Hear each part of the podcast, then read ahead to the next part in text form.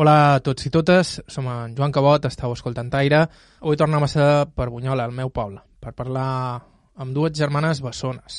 Dues germanes que varen néixer amb la monarquia, varen viure la república, la guerra civil, la guerra mundial, la dictadura de Franco, la transició, la democràcia i tot just ara han sobreviscut al confinament. Eh, això no ho vist mai, el coronavirus. No, no vist mai la pesta. No, I ara justament l'hem vist i és mundial, Mm. perquè hi va haver la pesta de, que hi va haver el grip, el grip i està, nosaltres vàrem néixer després del grip, 10 anys després del grip. després del grip. Però no, pesta no havíem vist. No, on dit guerra, fam, i ningú se va morir de fam, eh? Ni, ningú se va morir de fam. Hem vist els anys de la fam i ningú se va morir de fam. I ara hi ha abundància i la gent se mor de fam. Com és això? Elles es diuen Francisca i Catalina Colom i van néixer l'any 1928. De fet, demà mateix, dia 15 d'octubre, celebraran els 92 anys de vida. Viuen totes dues just davant l'antic mercat del poble, la mateixa casa on varen néixer, i que, quan eren petites, marcava l'inici de les foraviles i després el començament del passeig. A tocar d'allà, son pare hi va obrir sa granja, cafè, teatre i cinema del poble, on elles varen fer-hi feina fins que es varen jubilar, així que per Bunyola no són en absolut unes desconegudes. Però sobretot són dues dones amb una memòria prodigiosa que recorden detalls de la vida del poble que poques persones més deuen recordar. Detalls petits, en aparença irrellevants, però meravellosos, com la relació de totes les parelles de bessons que hi havia a Bunyola. No, eh, hem fet de tot. De tot el que se presentava fèiem, sense cap títol de cap classe, sense, sense especialistes de res, hem fet de tot. I hem viscut. Estau escoltant Aire a IB3 Ràdio, vos parla Joan Cabot. Començam.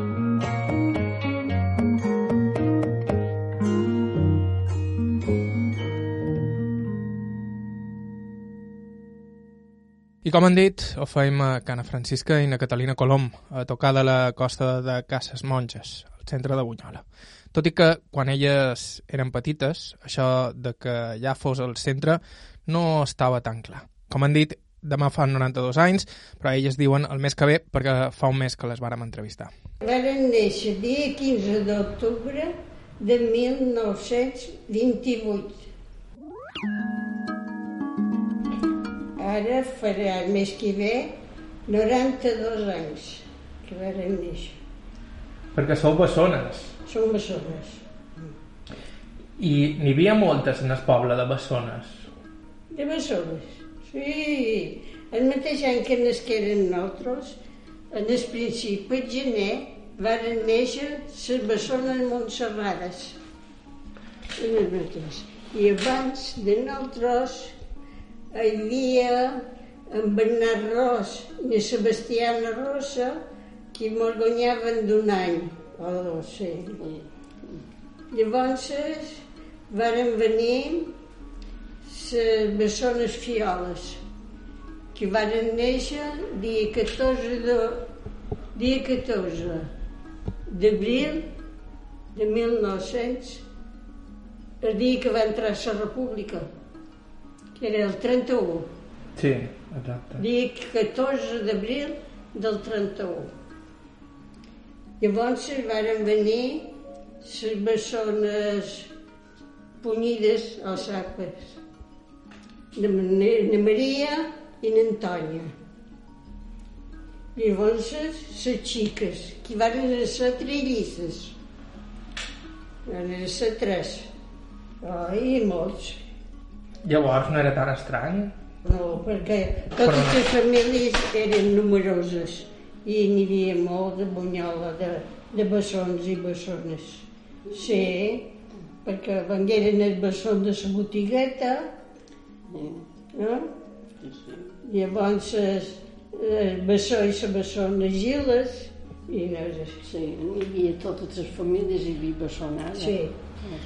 I quants éreu a la vostra família? Ah, ma mare em va tenir nou i em visqueren vuit. Nosaltres dues i una germana que en té 95, la Margalida, són les úniques vives. Éreu ses petites. No, no. De res, nosaltres fèrem. Jo vaig fer cinc i la meva germana va fer sis. I llavors se remengueren tres a darrere. Que era Antoni, el germà Antoni, de Dolores. Després en va néixer un altre, però ja va néixer morta. I en què se dedicaven els vostres pares? Mon pare feia comerç. d'un- Hi havia ranxers que feien ranxo i, i cortes de pins i arreglaven els, els bots i s'enduien la llenya i el carbó, traginaven, ho embarcaven en això. Sí. Perquè de, uh, era l'únic negoci que hi havia. Oli, garroves, meles, carbó i, i llenya. Bueno, llavors hi havia les fàbriques, també les fàbriques de teixit. Les dones eh, anaven a la fàbrica i llavors anàvem a, a cuir oliva, i cuir garroves, i cuir meles, per tot. Eh, anàvem, però era tothom. Els que volia eh, no quedava que seva, perquè era necessari eh, agafar el que hi havia. Hi havia de cuir, hi havia de sembrar, hi havia de cuir, perquè si no, no hi havia res més.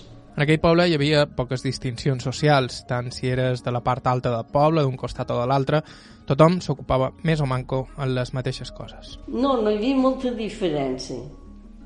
Però hi havia el carreró de la comuna, que era del carrer d'Orient per amunt, era una altra cosa. I el barracà era l'altre. I tot l'altre... Però vaja, no és que hi hagués molta diferència. Eh? No. Només sentir que de, visquen el barracà, Sí. però no se distingia la persona de, de, de no, anaven tots a la mateixa escola. No és que fossin més pobres que vivien en No, No, no, no, no, que va. Tothom era pobre. Sí. sí. No hi havia senyor. No, no. Aquí el senyor del Fabe, senyor de Raixa, senyor de Sucuri de Van, de Sant Palauet, de Sant Montaner... eh, de Sí, la però vaja, Concepció. la gent del Però don Fulano i don Sotano, Mm. qui era? Només hi havia el rector, que era vostre. Sí. No ho dèiem a ningú més. El mestre d'escola, també. Sí. Sí, no, hi havia un respecte, eh? Sí, no. Mm. Si tenies títol, eres vostre. Però, Si no tenies títol, i ningú en tenia de títol. no. No els necessitava. I anàveu molt a missa. Sí, hombre, no hi havia res més. Sí, no, amb això sí, eh? N'hi havia que no hi anaven. Mm. Però nosaltres estàvem tan a prop de l'església i, i era una sortida, una manera de veure la gent i de tractar amb la gent. Anaves... Les dones no podien anar al cafè quan eren petites, fins que llavors, però per veure els joves i les al·lotes havien d'anar a l'església, si no, Cada dia hi anàveu. Sí, cada dia anàvem a missa.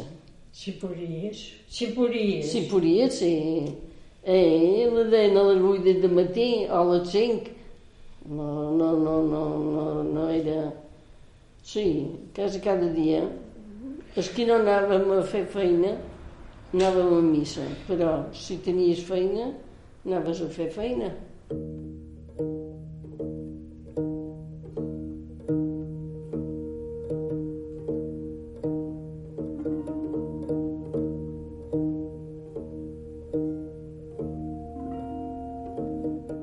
Més d'ametla, garrova i oliva, a Bunyola el que més es feia era carbó. Moltíssimes famílies partien un grapat de mesos a l'any a la Garriga, als ranxos.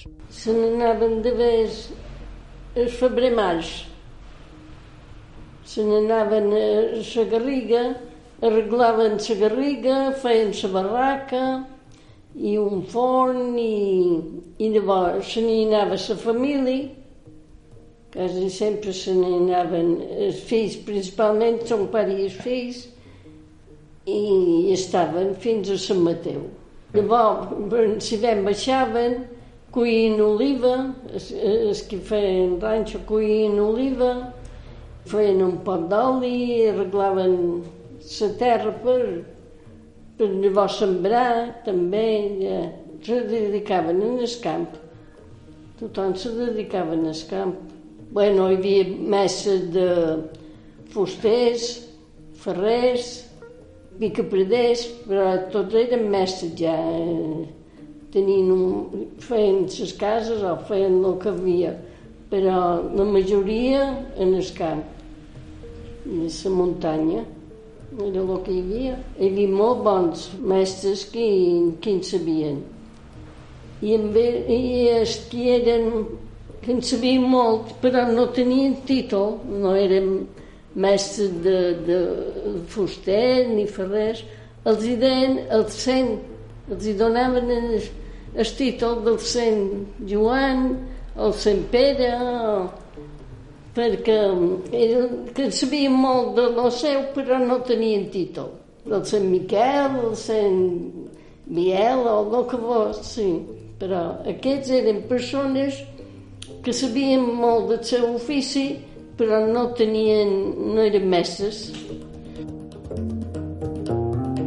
I el vostre pare en sabia molt a poc? Mon pare no sabia res, era comerciant i sabia comprar i vendre i fer anar a mirar el bosc i fer les cortes que deien, senyalaven les cortes, llavors hi anaven els homes a fer la feina. No, mon pare no era carboner, no. Només els que tractaven el que hi havia, feien negoci de lo que hi havia i ho embarcaven, o duien en els fons, les feixines, feien feixines d'espí i duien en el fons. I, bueno, feien, tenien carros i muls i traginaven el que hi havia. El pare d'Anna Francisca i Anna Catalina havia heretat l'ofici dels seus padrins per part materna. Varen ser els únics padrins que elles dues varen conèixer els predins només varen conèixer un predí i una predina. El predí, que era d'aquí, era el que duia el negoci i el va deixar en els fills i... Sí, el predí d'aquí i la predina era de Llumajor. La mare de ma mare era de Llumajor però estaven en esteix de, de majorals en esteix perquè eren empleats de Cala Torre, de la Torre de Llumajor, i els enviaren els mateixos senyors, tenien esteix, o Fabi i per tot. I de Cala Gran Cristiana. Cristiana, sí. I l'enviaren de Llumajor a fer feina en Esteix i va, se va casar i vengueren a viure en Esteix va tenir tres fills tres fills però els anava a tenir a Llumajor i llavors venien a Bunyola perquè Esteix aleshores era molt mal d'anar.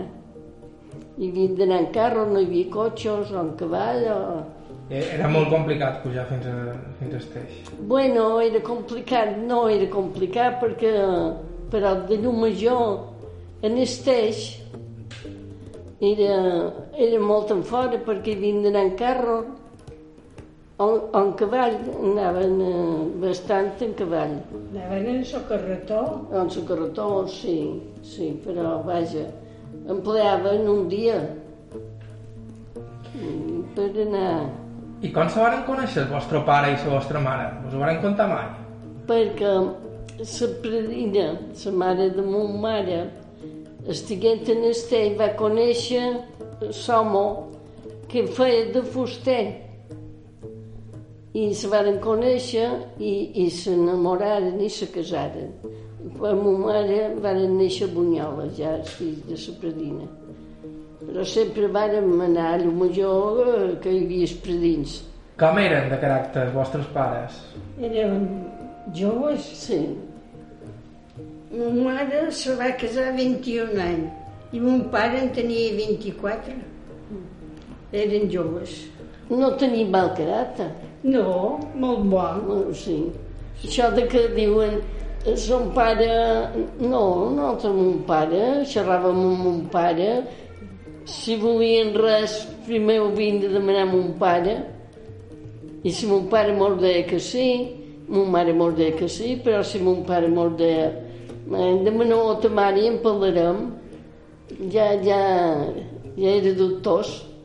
Però vaja, primer ho havien de demanar a mon pare. No, però eren llibres. Era... Sí, sí.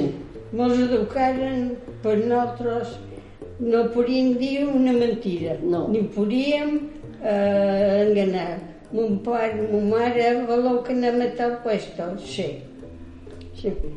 Però en arribar, havien de saber on havien manades. A tal hora heu de ser aquí i mos donaven la llibertat que volíem. Hombre, estem de la guerra, estem d'en Franco, podies anar per tot lliurement. No hi havia ningú per carrer ni, ni, ni per Palma qui te molestava. Podies anar molt tranquil. I com era Bunyola quan éreu petites? Ui, era molt guapo. Quan nosaltres érem petites, oh, estaven sempre en el carrer. Sempre, sempre. Només passaven carros i qualque bicicleta i, i, i com que em feia un poc de fosca no, no passaven els carros nosaltres sortíem i berenàvem en el carrer i estàvem en el carrer fins a l'hora d'anar a jeure. No hi havia tanta... No, eren tants. A Bunyol, quan nosaltres vam néixer, eren 2.000... 2.200 o 2.300 persones. Com vos divertíeu en aquella època? Tot mos divertia. Tot mos divertia perquè mm, qualsevol cosa, com que hi havia molt poques coses, no hi havia, la, no hi havia ràdio, no hi havia televisió, no hi havia, hi havia diari, diari, que- bueno, diari així mateix hi havia, però mos entretenien de qualsevol manera, de qualsevol cosa, tot mos entretenia. No tenien temps més que de d'anar a escola, eh, en sortir d'escola, una llesca de pa, si no era els anys de la fam, eh, i en el carrer a jugar. I en què jugàveu? Bueno, hi havia, mira, en aquest carrer hi havia, estava ple d'arbres. Hi havia nou persones, nou lots, a Can Vicent Gori. Nosaltres érem vuit. A Can Felip, a baix eren cinc, bueno, i, aquí, que a Mestres i jo eren onze, tot el carrer estava ple de lots i, i jugaven. Les nines solien jugar en els quatre un arbre, i mos, mos, mos posàvem, eh, mos, n'hi havia un al mig i que si podien fer fugir les altres, i bolles, en el carrer qualsevol cosa mos, mos entretenia. Ara que no se'n, ja havia de ser... En entrar a teva ja havia d'estar a les ordres de ton pare i ta mare, havia d'ajudar i... i I estudiar. Elles varen anar amb les monges, una de les poques opcions que hi havia per estudiar si eres dona. De fet, eren molt poques les que rebien una educació sòlida. En la majoria de casos, les dones estudiaven just just i es posaven a fer feina tot d'una que podien. Les monges, no n'hi havia d'altra. Les, nines havien d'anar a casa monges. Així mateix hi havia eh, l'escola de semestre. Sí. Però no podien anar eh, joves i sacerdotes junts. Llavors, l'any que nosaltres varen néixer, varen inaugurar l'escola pública. I només hi anaven els lots, els homes, joves. I les dones a casa monges o a casa mestra. Nosaltres devíem tenir ja dos o tres anys. Quan anàrem a la costureta de baix, i la costureta de baix, que hi havia el, el petitot de tot. Llavors venia és una altra escola, vaja, una altra sessió, que li deien que hi havia de mestre Sor Eliadora. Mm. I anaven ja que ja xerraven i començaven. Llavors, quan era, havia fet la primera comunió, no era per la primera Más o comunió, menos. anàvem a l'escola d'art, que era tota una sala, i hi havia, estava tota plena de nines, totes les del poble. Mira, en aquest carrer, en aquest carrer, a la de Can Vicent Gori, anaven a Casa Messa, na Margalí de Fiala, que era na Margalí de... Rosselló, Sí, anaven a Casa Messa. Moltes de, de que anaven de per aquí baix, que hi havia la mestra, que tenia a l'escola pública, a l'escola, una, una sala, anaven a Casa Messa. De per allà dalt també n'hi havia moltes que anaven. I tota l'altra gent eh, anàvem a Casa Monges, perquè era, era molt gran, hi havia molta de gent, hi havia moltes monges que ensenyaven, moltes que no eren mestres, però ensenyaven, ha, ha fet així, ha donat una volta de... un parell de voltes, Sí, un un parell. parell de tombos ha donat el poble. Perquè nosaltres, quan anàvem a escola, només anàvem a escola pública, no tenim, no tenim cap títol de res, No. anàvem a escola pública. I, I ara a la darreria ja donaven certificat d'estudis, però quan nosaltres anàvem a escola no hi havia cap certificat Ah. d'estudis.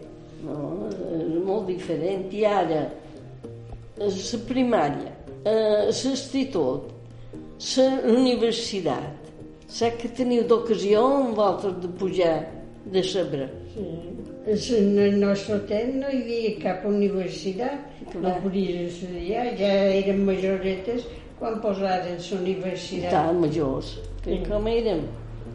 Per, per saber, per saber un poc, havia d'anar a la Porciuncle a estudiar, havia d'anar al seminari, Els homes, però les dones... les dones enlloc. Bueno, si podies anaves a, a la puresa a les escolàpies, perquè les filles d'aquí, les germanes de mon pare o les filles d'Espredí, ten, va tenir dues filles i dos fills.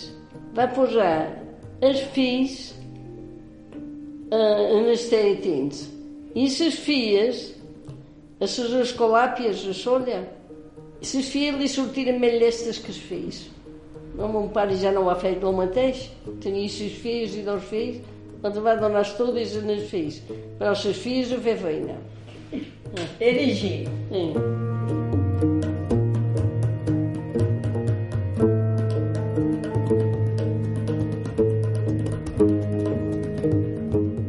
Francisca i Catalina Colom, nascudes el 1928 a Bunyola. Estau escoltant Aire, això és IB3 Ràdio. Fem una breu pausa i en uns segons continuem amb la seva història.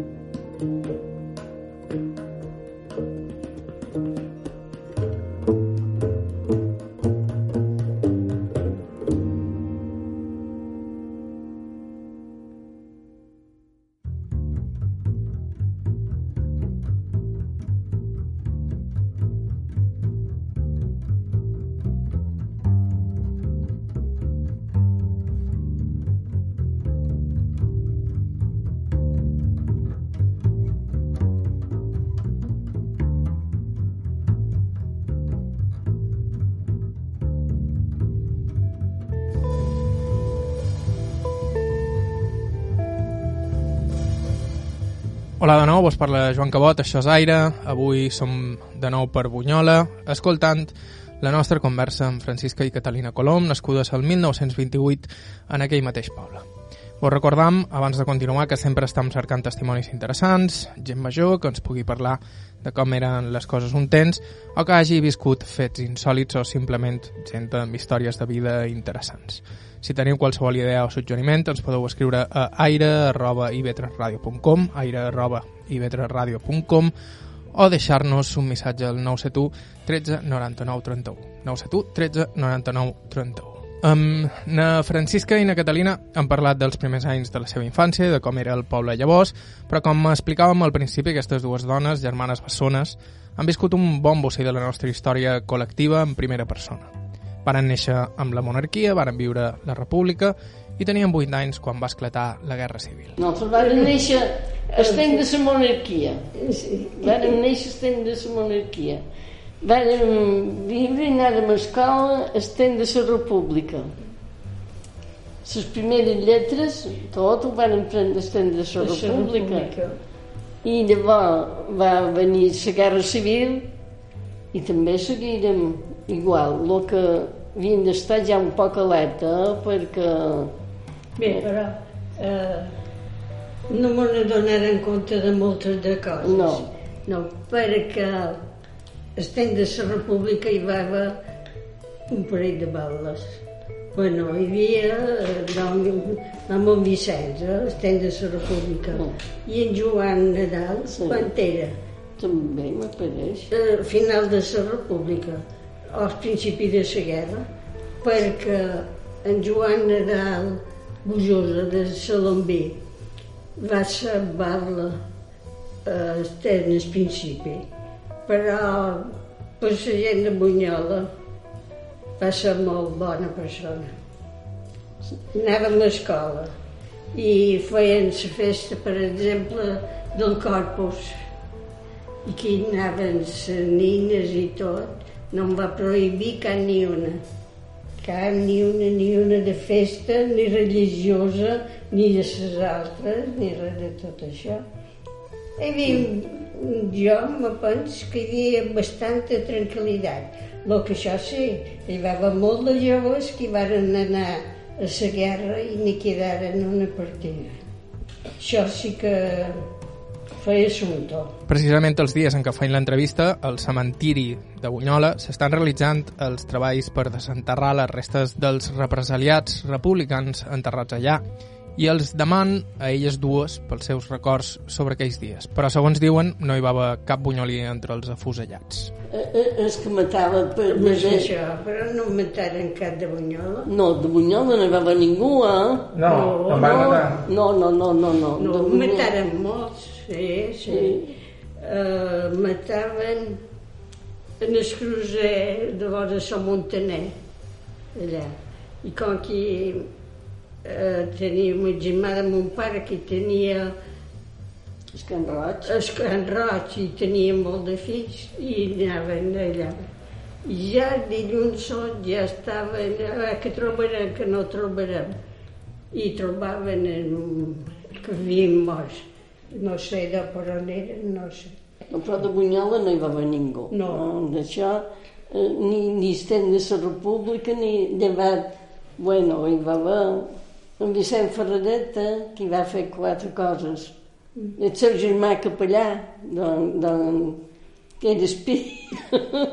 però vaja, això feia riaes. Com és això? Bé, m'ho Sí. sí. contar aquesta història.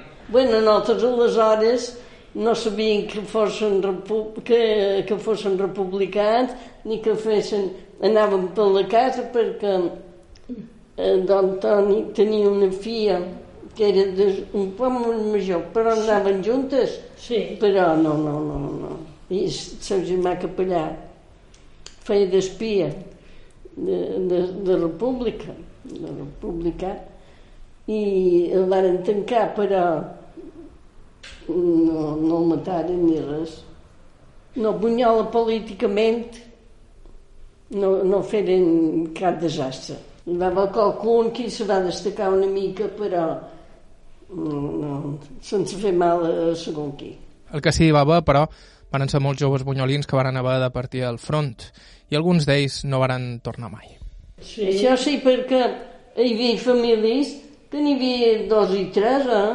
No, dos. Dos, perquè els que feia tres el treien de servici. Mm. Però sí, com que hi havia famílies molt numeroses, però sí que hi havia molta de jove, molt d'home. Eh, El poble era de lots i de, i de nines, Sí, sí. sí, perquè tots els joves eren... I n'hi va haver qui en feren set anys de servici. Mm. I recordeu també els anys de la Els postguerra? anys de la fam, sí, perquè hi havia la guerra, va estallar la guerra mundial i, i Espanya va quedar No aislada de part. tot.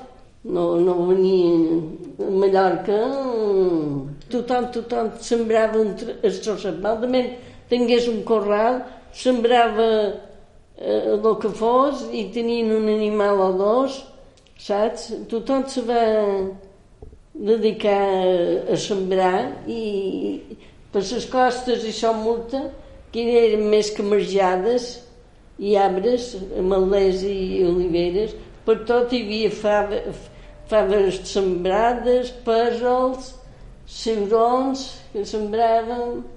Sí, això sí que... Uh, No, la gent, la gent va, se, se va espavilar molt. Que vos trobareu passar molt malament. No, bueno, mm, passaren malament, malament, de passar-ho malament, faltava de tot, i com Sí. que no hi havia res, tothom passava sense... Si, podia, si tenies una botella d'oli la canviaves eh, amb un parell de quilos de farina, saps? Eh, mos arreglàvem, però amb molt poca cosa. Eh? No, no, no. No feien re, raogons, ni dèiem això no mos agrada, ni podia deixar res dins el plat, perquè t'hi posaven tot el que t'havia de menjar, però si t'hi posaven res més, t'ho deixaven per vespre, no t'ho acabaves. Al vespre t'ho menjaves. I de dir això no em vull perquè no m'agrada, no ho podíem dir perquè me'n donaven tot el poc que tenien i me'l havien de menjar allò. No, no. Pollastre no menjaven cada dia, al contrari. El que diu menja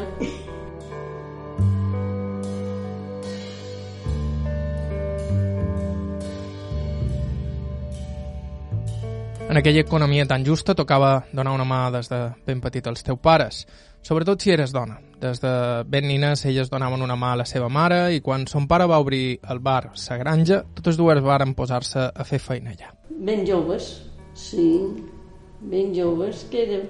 Perquè aquí hi havia gent que feia feina, però nosaltres eh, mos posaren a fer feina eh, tot el que hi havia. a tot el que hi havia.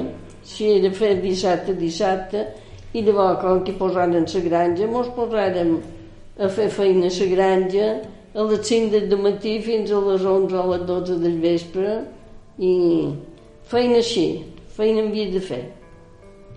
I si guanyaves dues pessetes eren teves.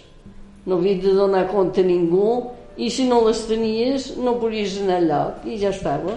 La granja va ser important a Bunyola. Era un cafè, però també teatre i després cinema, s'hi feien conferències i, en definitiva, era sobretot un punt de reunió i esbarjo per a tota la comunitat. quan van obrir la granja l'any que era l'any 40 No, 50, per mi. l'any 40 i pico jo quasi quasi no me'n record ja teníem 15 o 16 anys Mm. però encara anàvem a costura eh? I com va ser que se li va acudir al vostre pare obrir la granja? i jo no ho sé no sé com va ser que, que mon pare se li havia ocórrer fer No ho sé. i va, i va fer això un bar sí, i damunt el teatre el cine, el que fos hi havia molt de teatre eh, feien sarsueles moltes obres de teatre Perquè qui és que ho va obrir? mon pare, sí, mon pare ho va fer sí, Era un negoci molt ambiciós per aquell temps. sí en aquell temps sí Miquel Candissé que venia molt per aquí deia mon pare deia ton pare està loco està loco. Mira va fa un bar i un teatre a fora vila perquè no hi havia res més per aquí baix És a dir, se considerava que això era fora de vila. com, com, com a fora vila sí només hi havia cases fins a Can Cavaller Però i si estava operada a l'església? Bueno, l'església, sí. Però, vaja, això era el camp de Sant Garcies i Era- van fer construir Era sort de Garcia. Garcies, sí, És a dir, aquí ja teníeu hort en el costat. sí. Era un solar buit que havia- s'havia establit Sant Garcies i després havia comprat un parell de solars i va, però mon pare era un solar i teníem que hi havia animals i teníem un porc Sí. hi havia una sol i un parell de Hi havia dos tarongers.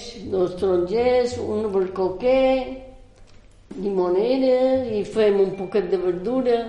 Sí. La granja és ara un supermercat, però la majoria de la gent del poble encara el recorda com a bar. Més o manco la mateixa fesomia que el primer dia que va obrir. La fatxada tot igual, i a de dins també. Lo que a de dins hi havia un teatre, un, hi havia un escenari, i molt, estava molt bé. I llavors el galliner que deien, sí, una sala molt gran, després baix era tot un bar, un bar i Era que hi podia, primer no hi podien anar les dones, No. però eh, aquí varen posar i hi anaven homes i dones i lotes i, i molt de joves se veien allà. Com era el dia a dia fent feina a la granja? Perquè deguéreu fer de sol a sol. Bueno, de sol a sol, llavors no, no hi havia hora nova ni hora vella, era, era perquè a les 6 del matí sortia el sol, eh, en l'estiu, en l'hivern eren les 8.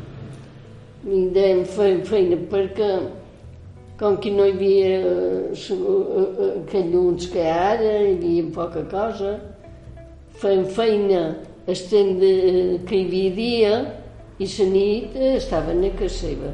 A la granja, com han dit, hi havia un poc de tot. Hi havia tota classe de licors, després fent cafè, cafè llet, hi havia encimades, encimades, i després es, hi havia aperitius, eh, el vermut, la gent anava a prendre el vermut, fèiem saladina, pica-pica, eh, calamar rebossat, ronyons i xampinyons, eh, fem un variats. Llavors també, segons quin dies, fem menjar. I anava molta gent. Eh, molta de gent, sí, Hi sí. havia, hi havia altres cafès, però... del Sí. poble. Bé, de fet, hi havia Can Nadal, que...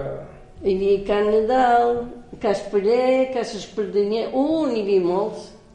Can Perico Sapo, pes, pes, pes, per, per la plaça de la Retoria, n'hi havia mi dos, hi havia Can Bava, sí, n'hi havia molts, sí, sí. I a Can Beta, I Can Beta, no, Can Beta feit, feitaven, barberia i cafè. barberia, sí. I cafè. I a Can Bava també. Sí, n'hi havia molt. La gent no anava enlloc més. Dissabtes i diumenges a fer l'amarilla o, fer, o prendre el vermut, ja més després de la guerra europea i tot això. Que ja la gent ja va poder fer feina i poder menjar. Però els anys de la fam, mm, això sí, van viure sense pensar en política ni en res. eh? No. No, cap mal de cap a ni un. No, amb això, eh, com que era la dictadura i, i tothom estava a les ordres i ja no parlaven de res més. No parlaven de política, però sí hi havia teatre, sobretot sarsuela. Anys després, la granja acolliria el cinema del poble. El teatre que va funcionar. Llavors es 30. Sí, llavors es posaren el cine, Ah, sí. Mm, mm. perquè després del teatre eh, es feien cine. Sí. I Quan va venir la crisi de, de la tele, quan varen posar la televisió, Sí. els cines varen anar perdent i varen llevar cine. Quines obres de teatre se feien? Hi havia molts grupos de Bunyola, hi havia grupos de Bunyola que feien teatre i després en venien de per Palma en venien, en venien, que era de Madrid en vengué, mm. també, i sarsueles de Palma i de, i de, i de la península, que sí. també venien. Si hi havia qualque cosa per Palma, eh, venien en els pobles, sí. anaven, anaven en els pobles a fer una funció o dues. I... I hi havia afició en el poble? Sí, sí, sí. Principalment a la sarsuela. La sarsuela tothom, tothom sabia. A la sarsuela s'omplia. Sí, sí, sí. Ja la música ja, ja anava endavant. Eh? I després quan vareu canviar al cinema, quin tipus de pel·lícules posàveu? En Tomeu Cameta va posar cine, el tenia davant l'església, el va posar aquí i feia moltes pel·lícules sí. bones. Sí, sí, sí, sí. De cine no hi havia res més, i teatre tampoc. Però vaja, hi havia bastant d'ambient. A Bunyola era una altra classe de cultura, perquè ve, donaven moltes conferències. No anaven a, en el col·legi d'estudiar, però cada setmana hi havia un, donaven conferències, o per les al·lotes, o per tothom, sí. Hi havia bastant d'oradors que venien a, i llegia molt, perquè no hi havia televisió, no hi havia ràdio, la gent llegia. Llegia i passejava. De fet, passejar era l'esport preferit de les parelles, encara que no estava ben vist anar massa en fora. I dic de tornar enrere? No, no, no estava bé. I era una temporada que hi havia molt de soldats. Hi havia s'infanteria a la Corea Blanca, Llavors hi havia la marina i la a Couet, o sigui, Inés. A Couet, sí. Llavors hi havia l'aviació a d'haver són creus. Hi havia un parell de soldats, una, dues i tres, sí. Tres companyies. I hi havia molta animació en el poble, però només podia, no, sortíem per veure els soldats. I l'excusa era que hi havia rosari a la parròquia, a l'església, i, i m'anaven a rosari molt bé, anaven a rosari, però era per fer una volteta i per, veure soldats i marinos. Hi havia marina i infanteria de marina. I era molt, eh, molt animat, molt de joves i Quina edat teníeu? Quina edat teníem? I devien tenir ja aquella temporada que teníem un de 8 anys. Més o menys 15 o 16, sí. de 7 de 8. Sí. Mm. Jo no vaig festejar, el que van tenir molt d'amics. mm, molt d'amics. Ara veig que si són amics, no, molt d'amics, i molt de joves, i sortíem molt a passejar, i anàvem a les festes, i en un altre ambient, te respectava molt. Si un jove anava de tu, te, bueno, el primer de tot te respectava. No, no podies anar per tot en, en el que volguessis. Si t'apreciava, te respectava. No passaves gent de pena. Te senties acompanyada i que no passaria res. Ella és casada. Sí. Com vos vareu conèixer? Oh, tota la vida. Mos coneixem de tota la vida i llavors mos va pegar per, per casar-nos. Perquè pretendents en tenien molts, sí. totes dues, sí. Però no passàvem. Tenint tant de pretendents, com vareu decidir en qui quedar-vos o en qui no quedar-vos? Bueno, perquè les circumstàncies te duen a decidir moltes de coses. Malament tinguessis molt de mi, de vegades les coses no te venien així com, així com tu pensaves i havies de canviar d'idea. Ara ja tot està més planejat. Ja, ja tothom ja fa com qui... No ho sé, és molt diferent. La nostra joventut va ser molt tranquil·la, tothom tenia el mateix. No, no tenien cotxe, no hi havia cotxe, no hi havia si podies tenir una bicicleta per anar a fer feina a Palma ja era... empleàvem el tren per tot el que fos.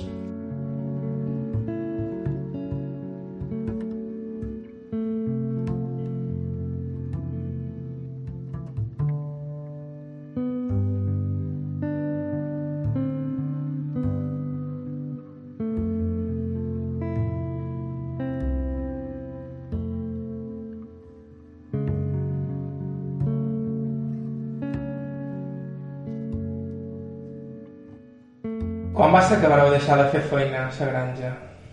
Quan me vaig jubilar, quan me jubilaren, deixaren de fer feina en els, en els 65 anys. Me van aturar de fer feina, Més de 30. sí. I de devíeu conèixer tot el poble? Sí, Sí. i tot el poble mos coneixien altres també. Eh? Perquè mos coneixien més en altres que nosaltres en el poble. Ara no coneixen ningú, vaig passar molta de gent, però... No, llavors sorties en els passeig, perquè aquest carrer ha canviat de cap a peus. Aquest carrer hi havia el passeig. I la gent sortia de fora i se, dimecres el dissabte i el diumenge passeig i se veien els nòvios. Passejaven el dimecres, el dissabte i el diumenge. Tota la setmana tothom a fer feina i, i es passejaven i no hi havia ningú que te fes nosa. Però ara cotxes, per xerrar amb els veïnats, mos han de xerrar per telèfon. Si volen saber res de, de, del veïnat de davant, han de xerrar per telèfon, perquè no, ni mos sentim, ni mos veiem, ni res. Llavors, Ha canviat per bé. Sí, ha canviat per bé, per segon que. Bé, no, però vaja, Sí, si mateix hi ha diferència. I claro.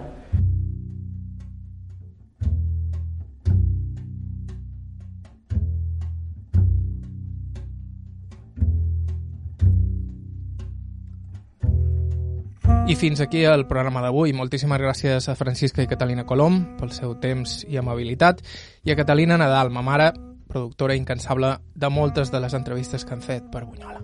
La música que ha sonat en el programa d'avui ha estat de Joshua Abrams, Jacob Bru, Marisa Anderson amb Jim White i Chris Speed.